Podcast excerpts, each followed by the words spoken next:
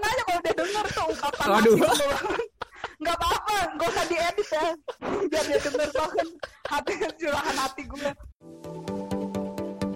Fisika S2 UI Pokoknya- teoritik. Waduh. Jadi cewek-cewek pengen jadi influencer minder ngobrol sama dia, minder aja. kita sebenarnya juga ada keinginan gitu tapi kadang Ada. memang iya Ada. kadang keinginan kita sama keinginan lingkungan atau kalau da- dalam kasus lu nyokap tuh berbeda time frame aja gitu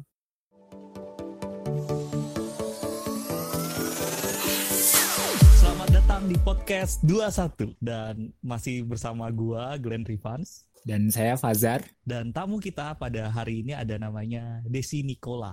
Nama panjang lu apa sih, Des? Gue lupa. Desi Nikola Asuro Sinaga. oh jadi Desi ini masih ada hubungan keluarga sama Glenn kan ya Iya betul. Desi ini sepupu lah ya, sepupu gua Wah, gitu. Jadi nyok, eh, nyokap kami, eh, nyokapnya gua sama nyokapnya dia sepupuan. Heeh, betul.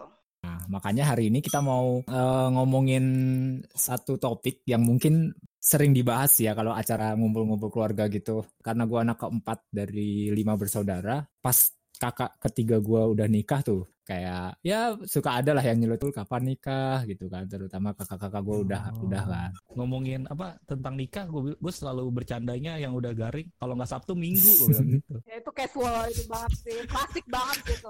Tapi kalian juga suka ditanyain gitu gak sih kalau ngumpul keluarga? Kan kalian sekeluarga nih kebetulan. Oh iya ya, betul juga. Kalau nyokap nggak ya? gue sih, nyokap gue nggak nanya sih ya. Nyokap gue tuh lebih ke nyindir gitu loh. Nyindir aja kerjaannya. Nyindir gimana Iya, tuh, Des? nyindir aja gitu. Ya kalau misalnya ada nih Sandy atau siapa, misalnya Sandy sepupu kita kan. Iya. Saya dia ada nih bawa bawa Pacar. pacarnya nih kayak gini. Terus Macam. Heeh. nyokap gue tuh ntar langsung ngomong gitu nyeletuk gitu uh enak ya si Sandy kayak gini-gini emang itu tuh kayak anak itu gue dibilang kelainan hormon bayangin Hah? Kena- Kenapa? Kok, kok nyampe hormon? Kelainan hormon kelainan hormon yang dia maksud tuh dia nggak ada rasa apa gitu kayak nggak ada rasa suka biasa aja gitu kayak mati rasa makanya dibilang kelainan hormon gitu. Zet. pokoknya nyokap gue tuh menciptakan kalimat-kalimat dan kata-kata aneh tuh jago deh pokoknya. Situasional lagi Iyalah gue gue cewek yang di situ kan yang emang nggak belum punya waktu itu kan. Kalau Sandy, BK, siapa kan udah. Gue sendiri tuh bagaikan orang yang kena ini semuanya. Eh, BTW, Sin, Sandy dan Becca di bawah lu kan umurnya? Jauh loh di bawah dia tuh masih 21 22 deh. Sandy tuh 20 di bawah lo setahun, 24 berarti. Wah, Iya, Pak. 20 Lu di atas gua 11 tahun gitu ya, dua dua. Di atas dua tahun. Dua. jauh banget dong, jauh banget. Tidak dong. Ya. Itu kalau kayak gitu paham. panjang nggak sih bahasanya jadinya? Uh, bu- bukan panjang lagi. Sehari nggak cukup sebenarnya kalau nggak di Sehari nggak cukup. nggak cukup serius sehari tuh nggak cukup karena nyokap gue emang aslinya emang suka ngomong gitu terus kalau ngejulitin tuh jago banget tapi dia nggak ngejulitin orang kelebihan dia itu ngejulitin anaknya sendiri Tapi I- Idang Tongah denger podcast ini nggak ya? Enggak ya? biarin aja kalau dia denger tuh ungkapan Waduh. Nggak apa-apa nggak usah diedit ya. Biar dia denger banget hati curahan hati gue Mungkin Gua mungkin Maksi denger sih. Mungkin Maksi denger nggak tadi. nggak apa-apa udah biarin aja. Semua sebarin aja sebarin. Biar curahan hati gue tuh tersampaikan gitu loh soalnya gue nggak pernah maksudnya nyokap gue tuh nggak pernah banggain gue di depan umum tahu ada aja kekurangan gue tuh yang bisa situasional gitu. Kalau misalnya si Glenn cerita apa ntar itu jadi kekurangan gue gitu. Kelebihan orang yang diceritain tuh kekurangan gue itu selalu Iya loh. Pad- padahal ya yang gua kenal dari lu tuh banyak hal yang membanggakan loh dari lu. Iya, gue juga dikasih tahu Glenn kan kayak lu lulus S2 banyak lah, banyak hal yang Iya. dibanggakan lah. Kalau lu sendiri Des, hal-hal yang membanggakan dalam hidup lu kan banyak kan? Menurut lu apa yang pengen di share ke keluarga gitu sebenarnya? Sebenarnya sih yang pengen gue share ke keluarga itu daya tahan ya, daya juang gitu. Gua kan istilahnya nyokap gua kan emang orang tua tunggal gitu. Jadi gue eh, hanya anak satu-satunya karena abang gue meninggal sebelum gue lahir tahun 93. Jadi abang gue meninggal 92. Gue lahir 93. Terus dari gue lahir sampai gue seumur kayak gini tuh emang nyokap gue sendiri kan yang ngurus gue gitu. But at least gue nggak ngerasa kayak bahasa anak-anak muda kayak broken home. Nah itu gue nggak pernah ngerasain seperti itu gitu. Kenapa? Karena semuanya gitu. Semuanya tuh dipenuhi sama nyokap gue semua sih termasuk makian cacian tuh diiniin sama gue. Begitu juga motivasinya gitu. Ternyata kalau gue dulu tuh kayak nggak dicaci mungkin ya bahasanya bukan caci ya apa ya kayak nggak dikritik gitu. Kalau nggak dikritik tuh gue nggak nggak bisa jadi orang yang istilahnya bisa survive sampai kayak gini gitu. Sampai kayak gini gimana? Maksudnya uh, istilahnya gue bisa bisa kuliah, bisa belajar, terus pokoknya gue kan dulu cita-cita gue, oh, gue pengen belajar nih, gue pengen uh, ketemu dengan orang-orang hebat dan gue pengen belajar langsung dari orang-orang hebat itu gitu. Dulu pas gue zaman SD gitu, kalau orang ditanya mau jadi apa nanti, oh mau jadi pilot gitu. Kebanyakan dokter tuh pasti, dokter gini-gini. Terus gue kadang ngomong, gue mau jadi apa? Gue bilang gue mau jadi guru gitu.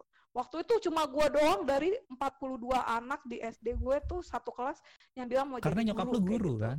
Sebenarnya bukan karena nyokap gue guru juga sih waktu itu. Karena emang gue tuh alamiah gitu. Hmm. Natural tuh emang ini hmm. jadi guru. Gitu. Cuma nggak pernah dituntun, kamu ntar jadi dokter ya atau apa. Enggak, nggak ada kayak gitu. Emang dari nurani gue sendiri ya. Mungkin karena faktornya nyokap gue guru. Tapi enggak juga sih. Ada tuh yang nyokapnya guru atau bokapnya guru tetap aja anaknya ditanya mau jadi apa mau jadi dokter insinyur kan gitu nggak ada yang mau jadi gak guru ada. tuh data nggak scientist juga nggak ada belum ada dulu belum tahu soalnya nggak ada nggak tahu belum ada belum ada situ belum ada. Terus gue pengen ketemu sama orang-orang uh, yang hebat dalam kata arti di bidangnya gitu di bidang sains sih sebenarnya. Nah gue tuh pengen belajar dari orang seperti itu. Ternyata kesampaian lah gue bisa ketemu langsung sama tokoh yang emang bener-bener ngehits menurut gue dari dulu gitu. Waktu pas gue S2 siapa nih? Siapa? uh, Pak Terry ya Profesor Terry Mart gitu. di bidang uh, partikel. Hmm. dia partikel oh iya kawan. karena S2 lu ngambil fisika hmm. fisika murni, murni. ya fisika teoritik ya teoritik ya fisika fisika S2 UI Pokoknya... teoritik waduh jadi cewek-cewek pengen jadi influencer minder ngobrol sama dia, minder aja. Segen ya. Tadi ada dua hal yang uh, lu bisa tahan banting dan akhirnya bisa bertemu dengan orang-orang hebat. Tapi kalau pakai bahasa yang lebih sederhana, lu sekarang bekerja sebagai apa sih, Des? Gue sekarang uh, sebagai researcher sekaligus sebagai guru sih. Tapi gue dikhususin untuk anak-anak emang persiapan buat uh, olimpiade sebenarnya. Lari bukan renang. Olimpiade Tokyo. Mm, mm, to enggak sih Tokyo di cancel ya di cancel ya Tokyo ya. oh di cancel. Bukan dong bukan Olimpiade bukan itu ya, dong bukan oh, ya fisika dong. oh, oh fisika. Ada renang. Tapi iya loh gue kalau misal bayangin jadi orang tua lu atau keluarga deket lu lah gue banggain lu beneran dah. Tadi tadi lu bilang kan soalnya lu jarang dibanggain dan lebih sering dijulitin gak sih? Iya. Tapi bahasa yang lebih lebih apa ya lebih halus kali ya Juli tuh terlalu kasar gak sih? Bahasa yang halus mungkin ditekan, dikritik. Tekan ya, dikritik ya, dikritik. Menurut lu kenapa pressure itu ada sih dari lu tadi cerita nyokap lu khususnya ya, cuman kan pasti secara umum banyak orang kan Padahal lu udah, menurut lu udah mencapai banyak hal gitu. Nah, hal itu sih kalau menurut gue kan ada sesuatu yang emang belum tercapai gitu sama nyokap gue. Entah cita-cita dia tuh ada gitu. Oh bukan ini loh gitu. Maksudnya di lain sisi tuh bukan berarti dia nggak bangga sebenarnya. Dia bangga, cuma pengennya komplit gitu. Namanya orang tua kan. Oh anaknya udah kayak gini, oh pengen yang kayak gini. Udah capai yang ini, pengen kayak gini, pengen yang kayak gini. Akan terus seperti itu gitu. Istilahnya apa ya perasaan lu gimana sih Des? Pas lagi ditanya gitu. Santai pertama. Awal-awal santai santai gitu. Nah awal-awal ini tahun berapa nih Des kalau boleh tahu? Awal-awal itu maksudnya di mulai kapan gitu? Lulus S1 ngerasa ngerasa itu? Lulus S1 oh. lulus S1 2015 2015 nah itu masih ya oke santai santai, santai. enggak sebenarnya itu udah nggak santai pas gua habis wis udah gak santai oh jadi cuma di hari pertama doang yeah. yang santai hari keduanya yeah. emang udah ngegas ya momennya gini nih momennya gini inget banget nyokap gue jadi pas kita lagi wisudaan terus ada teman gue kan teman gue tuh bawa istilahnya ada bawa pacarnya terus ada bawa suaminya waktu itu udah temen lu cewek temen gue cewek ada yang bawa suaminya oh. gitu. Kalau dia selalu mengkompar sama yang cewek gitu. Terus teman gue ada bawa pacar, terus ada yang udah nikah kan, terus dia bawa anak pas wisudaan. Nah nyokap gue tuh ini merenung sendiri gitu. Jadi kayak merasa terkucil gitu. Kenapa? Karena ternyata bukan tuntutan hanya di gua doang misalnya lingkungan gua udah kayak gitu di lingkungannya dia nih di lingkungannya nyokap gua tuh istilahnya dia paling udah paling senior tuh di situ benar-benar paling tua yeah. lah istilahnya terus yang lain tuh berpengaruh juga lagi jadi kayak orang respect sama nyokap Desi iya nah yeah. setiap hari tuh ada nih temennya dia masih umur 50 tahun, masih umur 50 eh, 49 gitu. Terus bawa cucu nih, udah bawa cucu. Eyang, Eyang gitu. Dia dipanggil Eyang kan. Terus yeah. dia nyampe rumah marah sama gue. Marah. dia bukannya jadi marah, marah sama gue katanya katanya kayak gini sama gue padahal gue nggak nggak ada apa-apa gitu. Gue cuma baru kuliah atau baru apa baru kerja nyampe rumah blek gitu. Dia udah langsung marah ngegas jam 4 sama gue gue inget banget tuh. Dia marah ngomong gini sama gue tuh katanya lihat tuh si X gitu ya. Si X udah punya cucu gitu. Si ibu X udah punya cucu. Terus tahu nggak kamu tadi ngomongnya apa? Cucunya manggil saya eyang eyang gitu. Ada tuh anaknya Yeni juga manggil gini-gini. Dia manggil juga opung-opung kata dia gue dipanggil opung dipanggil eyang sama cucu orang lain kata dia gitu. Dia kan intronya banyak tuh dia cerita ada ini terus bawa cucu gini-gini. Eh ujung-ujungnya ke situ gitu. Gue udah serius ngeliatnya. Oh gue lagi.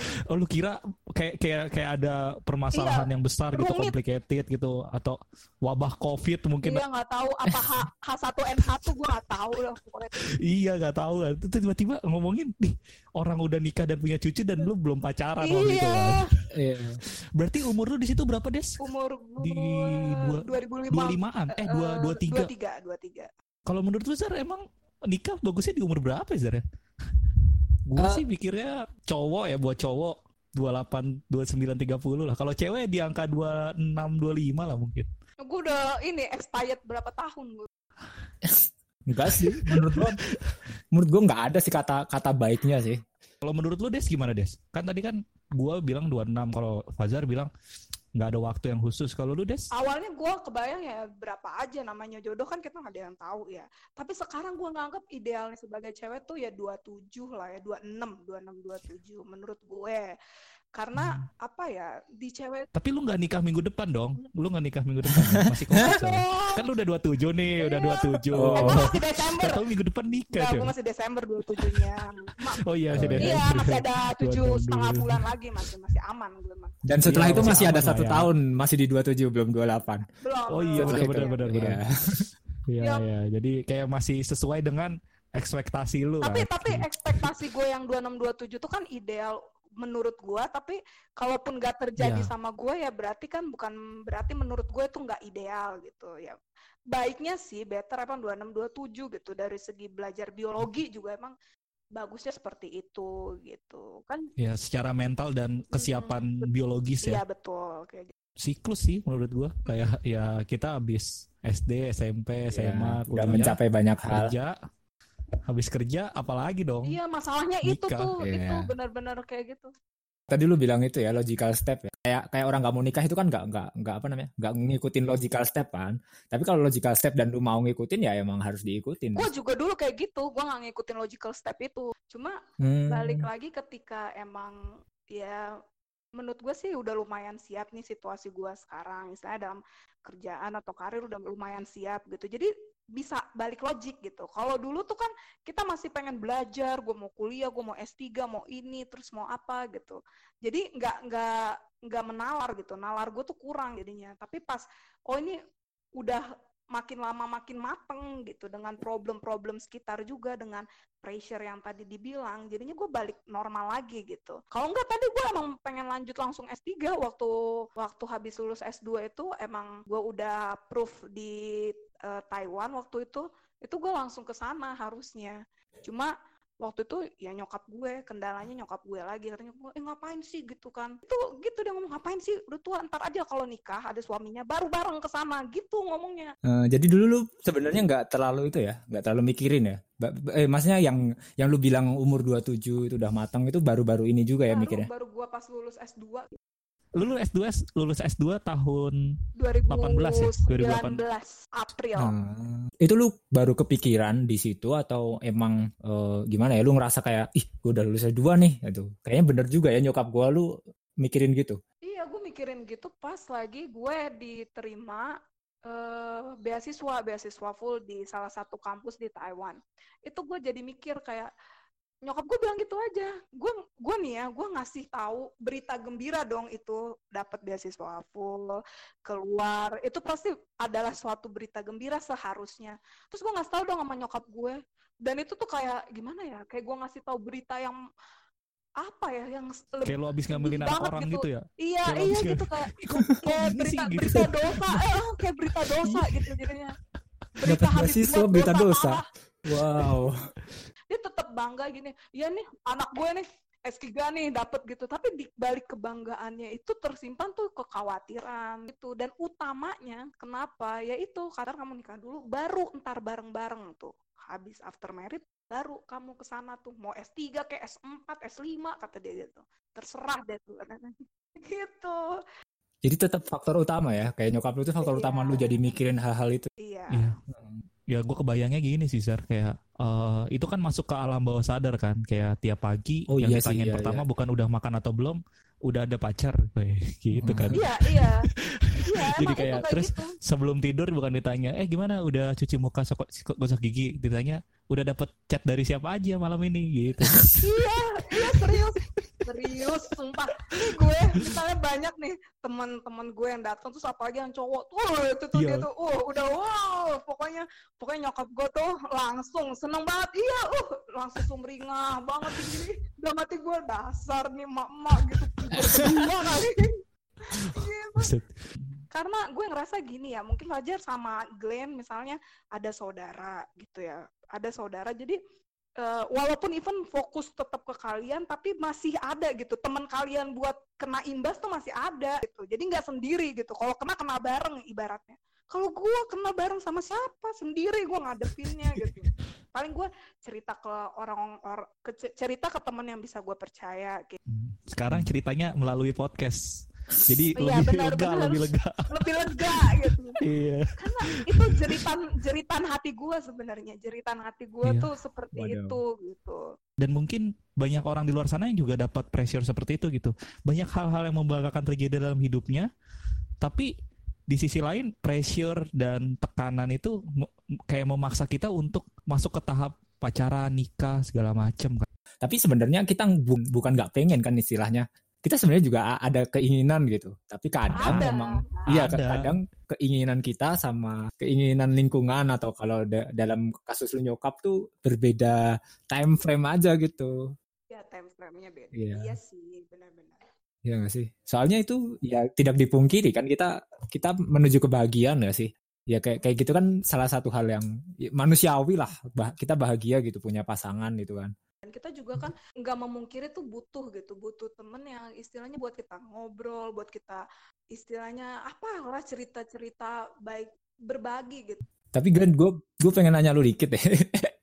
Apa lu kan gak lu kan itu kan nggak dapat pressure nggak dapat tekanan yang sama mungkin kayak Desi ya nggak sih? Tapi gue tahu lu ya. aktif gitu nyari nyari pacar gitu. Iya. aktif aktif dan pertanyaannya apa tuh gue penasaran di pertanyaan ini sebenarnya. Iya, bukan karena tekanan doang gitu. Lu juga pengen ada teman ngobrol, lu juga pengen pengen ada buat apa pasangan lah, pengen ada pasangan gitu. Lu tanpa yeah. dapat pressure, lu aktif gitu nyari. Soalnya kalau pernah nonton The Fault in Our Star ya, Zar dan Des. Hmm. Di film itu kan mereka dua orang yang punya masalah masing-masing, tapi akhirnya bisa dipertemukan di sebuah momen dan yang dilakukan oleh mereka berdua adalah mereka menyediakan diri untuk mempunyai relasi. Jadi di tengah masalah mereka sendiri pun mereka mau memulai sebuah relasi lah. Iya, mau memulai enggak sebuah obrolan gitu gitulah awalnya. Dan itu dimulai dari si seorang pria gitu si cowok ngajak jalan duluan gitu. Jadi gue pikir natur laki-laki itu emang benar-benar harus mencari gitu. Bener gue masih punya iya, masalah dan eh, gue nggak tahu cewek itu juga pasti punya apa istilah struggle yang masing-masing gitu kan. Dan ketika gue mencari ya gue nggak aktif-aktif banget gitu lah nggak. Maksudnya gue nggak download Tinder gue nggak download uh, aplikasi itu. Nggak. Jadi kayak ketika gue ada momen gue gua gua tertarik gue coba deketin gitu. Terus kalau kalau nggak dapet ya udah berarti emang bukan ini. Tapi gue percaya ketika gue nemuin seseorang yang tepat pasti harus tetap gue mulai gitu ngerti gak sih? Jadi gue ketemu nih misalnya sama orang yang tepat nih, nggak gue nggak tahu siapa orang yang tepat itu.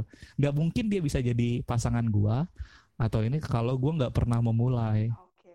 Okay. poin poin gue adalah tanpa ada sebenarnya tanpa ada pressure pun ya balik lagi kita di umur-umur kita sekarang pun akan mencari uh, kebahagiaan itu gitu. Ya dalam hal ini pasangan gitu. Uh, kalau orang orang lain memvalidasi kita karena kita jomblo atau enggak, kita udah di umur kita berapa, udah udah apa? Udah nikah atau belum, udah punya pasangan udah atau berapa, belum, udah gitu. punya berapa ya. mantan. Ya. menurut gue ya itu ada ada pressure atau nggak ada pressure uh, punya pasangan yang cepat itu bukan keba bukan kebahagiaan lo gitu kebahagiaan itu punya pasangan titik di situ nggak usah cepet oke okay lah cepet itu jadi sebuah jaminan gitu. Kita udah pacaran 10 tahun gitu ya udah nikah bisa nikah kapan pun gitu kan.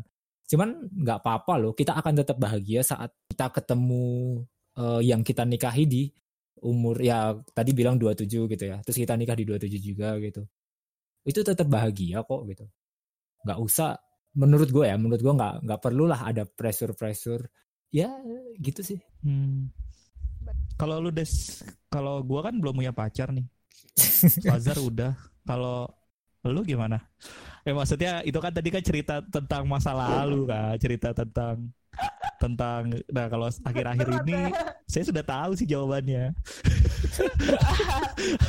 Tapi ya maksudnya gimana Des kalau lu Des? Apakah sudah ada istilahnya pasangan lah, mungkin bukan pacar atau apa gitu, tapi seseorang yang bisa akhirnya lu ajak berdebat lebih lama, lu perhatiin lebih banyak dan orang yang lu pikirin lebih sering wih bagus tuh kata-kata itu Zar ada gak gitu lebih sering ya. hmm. ada sih ada maksudnya pasang apa ya lebih ke lawan iya. jenis kan maksudnya pasangan dan gitu kan. pertanyaannya ada. ada ya pertanyaannya ketika lu ada dan lu belum ada waktu itu apakah lu lebih bahagia sekarang atau ya sama aja sih sebenarnya gitu Sebenarnya bukan ini ya, dibilang bahagia sih ya setiap hari gue ngerasa sih ya bahagia-bahagia aja. Cuma kayaknya lebih ada colornya gitu, lebih ada warnanya gitu. Warna perdebatan, warna ya berbagai macam gitu, warna perdebatan, warna semangat gitu. Pokoknya semuanya aduh, aduh. ada sih. Semangat aduh, sih. Kurang ya, kenapa, kenapa? Aduh aduh kurang relate. gue kan belum pernah ngerasain, jadi kurang iya. relate tuh. Gue ngebayangin lu tadi jelasin berbagai warna itu, gue ngebayangin hidup gue kok kok abu-abu ini abu-abu. warna gue mana? Gimana, warna yang gue harusnya lihat. Lanjut lanjut ya. Iya kan Fajar mungkin lebih merasakan duluan kan udah ini kan. Maksudnya ya yeah. warna aja gitu. Uh, istilahnya apa ya? Setiap hari tuh ada yang mau lu perbincangkan. Dan tadi lu menemuin uh, temen gitu. Temen buat diajak uh, berdiskusi. Berdiskusi sih kalau gue lebih tepatnya. Makin lama nemuin diri gue juga siapa. Dia juga gitu nemuin dia siapa. Dan satu ya yang lebih ini sih karena emang kita komit bareng gitu. Jadi gue lebih belajar ini sih lebih belajar ke suatu yang lebih ke depan gitu mikirnya lebih ke depan. Karena gue sama dia sama-sama nih komit oke okay, gue jalan. Tapi kalau lu juga emang cuma istilahnya mau mengenal ya udah teman biasa aja kayak gitu. Iya tapi dia juga akhirnya ngarahin ke yuk serius gitu kan? Iya dari dari awal sih dari dia datang gue wisuda kalau nggak salah dari gue oh Jadi dari 2019 dia, berarti des 2019 betul betul iya udah setahunan oh.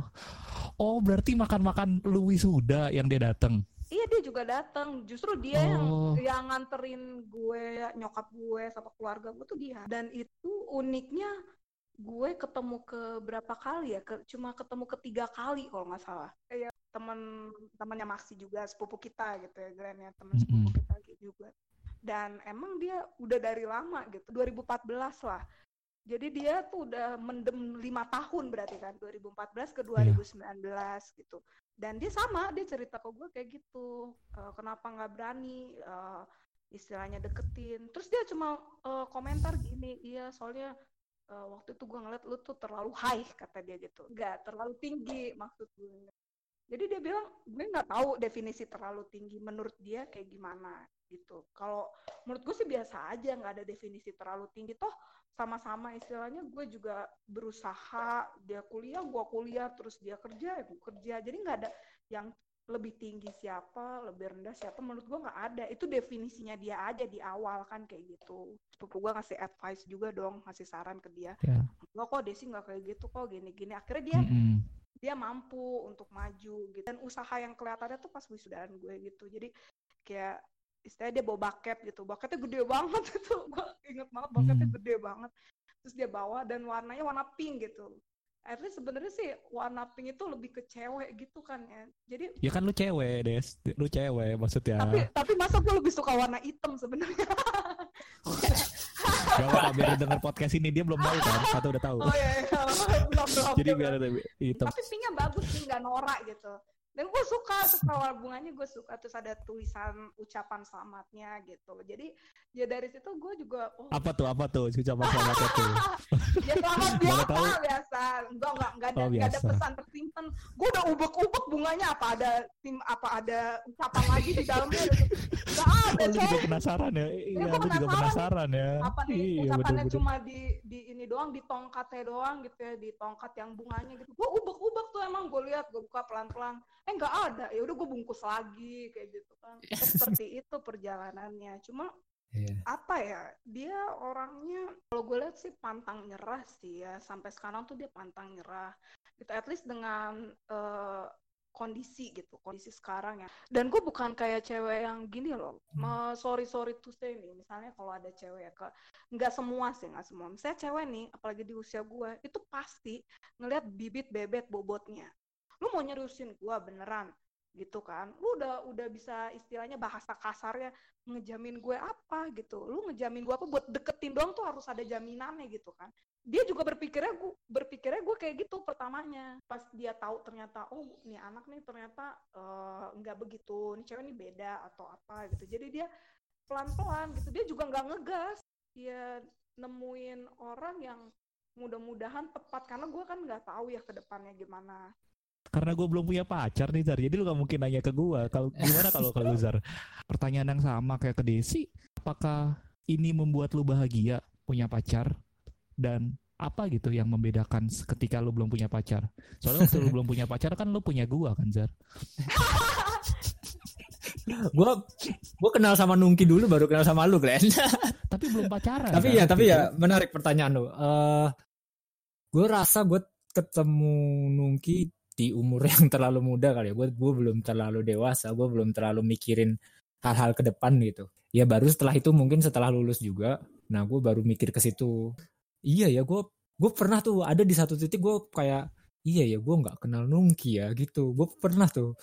Terus kayak gimana nantinya? gitu. Terus gue jadi kayak setelah itu gue jadi uh, istilahnya menggunakan pendekatan yang berbeda gitu kalau solving problem scientific gitu ada approach-approach yang berbeda yang dipakai gitu. Iya, pakai parameter yang berbeda biar hasilnya lebih kelihatan. Kita bertiga ngerti nih pendengar podcast yang bingung. Pertanyaannya mungkin bukan setelah gue punya pacar atau setelah enggak, tapi setelah eh sebelum dan setelah proses pendewasaan itu. Kalau oh. ditanya lebih bahagia, iya gue lebih bahagia karena gue jauh lebih mengenal dia setelah itu, jauh lebih siap untuk ke depannya gitu-gitu. Aduh bagus banget itu kata-katanya. Enggak, gue sekarang gue nanya nih, gue narasumber gue mau nanya. Oh, boleh, boleh, boleh, boleh. Rencana udah ren ada rencana berarti. Rencana ya, mungkin detailnya gue juga gue juga nggak bisa ngasih tahu karena gue nggak tahu juga. Tapi lebih ke mental sih.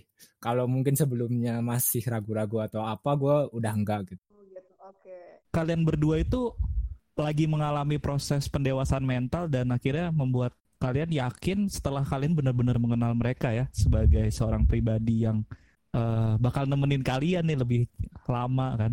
Tapi gini, gue gue dalam proses ngejalanin proses itu pasti satu lebih dewasa, lebih mateng. Nah, tapi kan ada tahap-tahap di mana lu tuh pengen gitu. Kalau misalnya jangankan ditanya orang dulu lu kapan gitu. Lu juga menentukan gue kapan ya sama dia gitu. Ada kan pasti tahapan yeah. seperti itu yeah. gitu.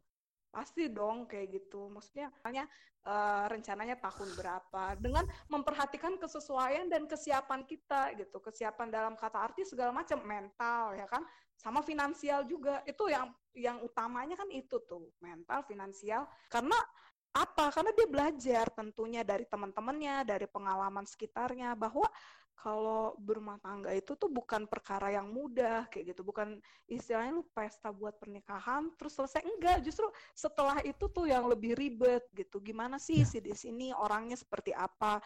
Nah dia persiapan dia tuh harus matang baik dalam mental maupun finansial. Itu yang gue bilang tadi jadi kalau laki-laki kalau menurut gua usia idealnya menikah tuh nggak ada nggak ada batas gitu. Kayak ya. dia nggak akan ada batas. Mau sampai 50 tahun juga baru tuh nggak masalah gitu. Tapi buat perempuan buat wanita itu ada limitnya gitu. Karena tadi secara faktor biologis tuh ada gitu kan. Ya, maka tapi biarpun ada batasnya tapi kita percaya hmm. dong bahwa uh, pasangan yang tepat akan datang di waktu yang tepat. Di waktu Dan, yang tepat. iya ya, kayak uh, mungkin Fazar tujuh tahun yang lalu atau lu mungkin baru 2019 gitu. Gue belum tahu kapan, tapi gue gue percaya gitu. Pasangan yang tepat akan datang di waktu yang yeah. tepat, ya kan ya. Ngomongin waktu, kita ngomongin bahagia. Kalau buat kalian berdua dan gue, ada nggak yang bisa disampaikan gitu di ending podcast ini? Fazar hmm. mungkin kalau buat yang dengerin kalau sedang mencari juga gitu atau atau sedang mendapat banyak pressure dari keluarga atau lingkungan uh, dengerin Glenn aja sesuatu yang tepat akan datang di saat yang tepat kalau gue kutip uh, pas lagi gue nonton The Fault in Our Star ada dua hal penting dalam film itu yaitu tentang cinta dan waktu jadi sekali lagi gue mau bilang bahwa waktu itu terbatas beneran terbatas gitu. Ketika lu masih punya orang yang dicintai, bukan pasangan atau enggak gitu, ya udah lu bahagia dengan yang lu punya gitu. Ya karena gue percaya ada atau nggak ada pasangan bahagia. Gue nggak ada pasangan sekarang bahagia gitu. Asal lu tetap mencintai dengan sepenuhnya gitu. Dan ketika lu punya pasangan nanti sama konsepnya lu cintai dengan cinta yang luar biasa gitu. Biar lu bahagia. Jadi bukan tentang punya pasangan atau nggak punya pasangan tapi bagaimana lu mencintai hidup lu mencintai orang-orang di sekitar lu. Gitu. Kalau Desi? Terus gue udah kehabisan kata-kata dong. Ntar kalau gue ngomong ini sendiri lu pada ninggalin gue lagi gue nggak bisa gue nggak bisa berpesan-pesan apa ya gue nggak bisa mengutip-ngutip apa cuma menurut gue kalaupun ada pressure di luar sana anggap itu sebagai motivasi. Dan pressure itu nggak selamanya menjadi suatu hal yang ngebuat lu jadi hal yang negatif atau tertekan gimana? Enggak sebenarnya pressure itu bagus buat ya tadi kata Fajar kan mendewasakan diri ya untuk pendewasaan diri tuh bagus. Jadi lu nggak mikir nggak mikir egois gitu, mikirnya udah ke hal lain seperti itu. Dan kalau kalau misalnya emang kalau kita punya pasangan mungkin lebih kalau gue sih ya yang gue rasain lebih lebih enak gitu kalau emang bener-bener mulai dari awal gitu susah-susahnya bareng terus juga diskusi-diskusinya bareng karena itu yang gue rasain gitu gue nggak nggak ketemu dia di saat dia emang udah kayak sultan gitu. Gue nggak ketemu dia di saat dia udah kayak sultan. Jadi prosesnya dari awal gue tahu lemahnya dia apa dia tahu kelemahan gue apa. Dan ya tadi semuanya pasti akan uh, tepat pada waktunya gitu. Akan ada ujung yang baik untuk kita asal kita usaha gitu. Terus jangan kalau misalnya ada batas waktu batas waktu menurut gue nggak usah terlalu inilah. Orang-orang akan selalu ngomong seperti itu dan kita nggak bisa nggak bisa bilang udah deh nggak usah ngomongin gitu. Tapi pesan gue sih tetap jadi apa ya tetap jadi diri sendiri gitu. Kalau lu emang belum siap atau lu emang masih seneng uh, sendiri ya ya jalanin. Nanti juga ada waktunya di mana lo sadar gitu lo sadar bahwa oh gue butuh seseorang gitu. Kalau emang masih enjoy sekarang sendiri ya udah senangin dan cintai sekitar lu orang tua yang pastinya gitu apa pun itu kalau kalau udah punya pasangan bahwa harus nerima nih keadaan lu nih harus nerima. Dan kalaupun nanti susah suatu saat pas lagi bareng ya berarti lu harus udah siap uh, apa ya udah siap merecovery itu semua dari awal tapi berdua gitu.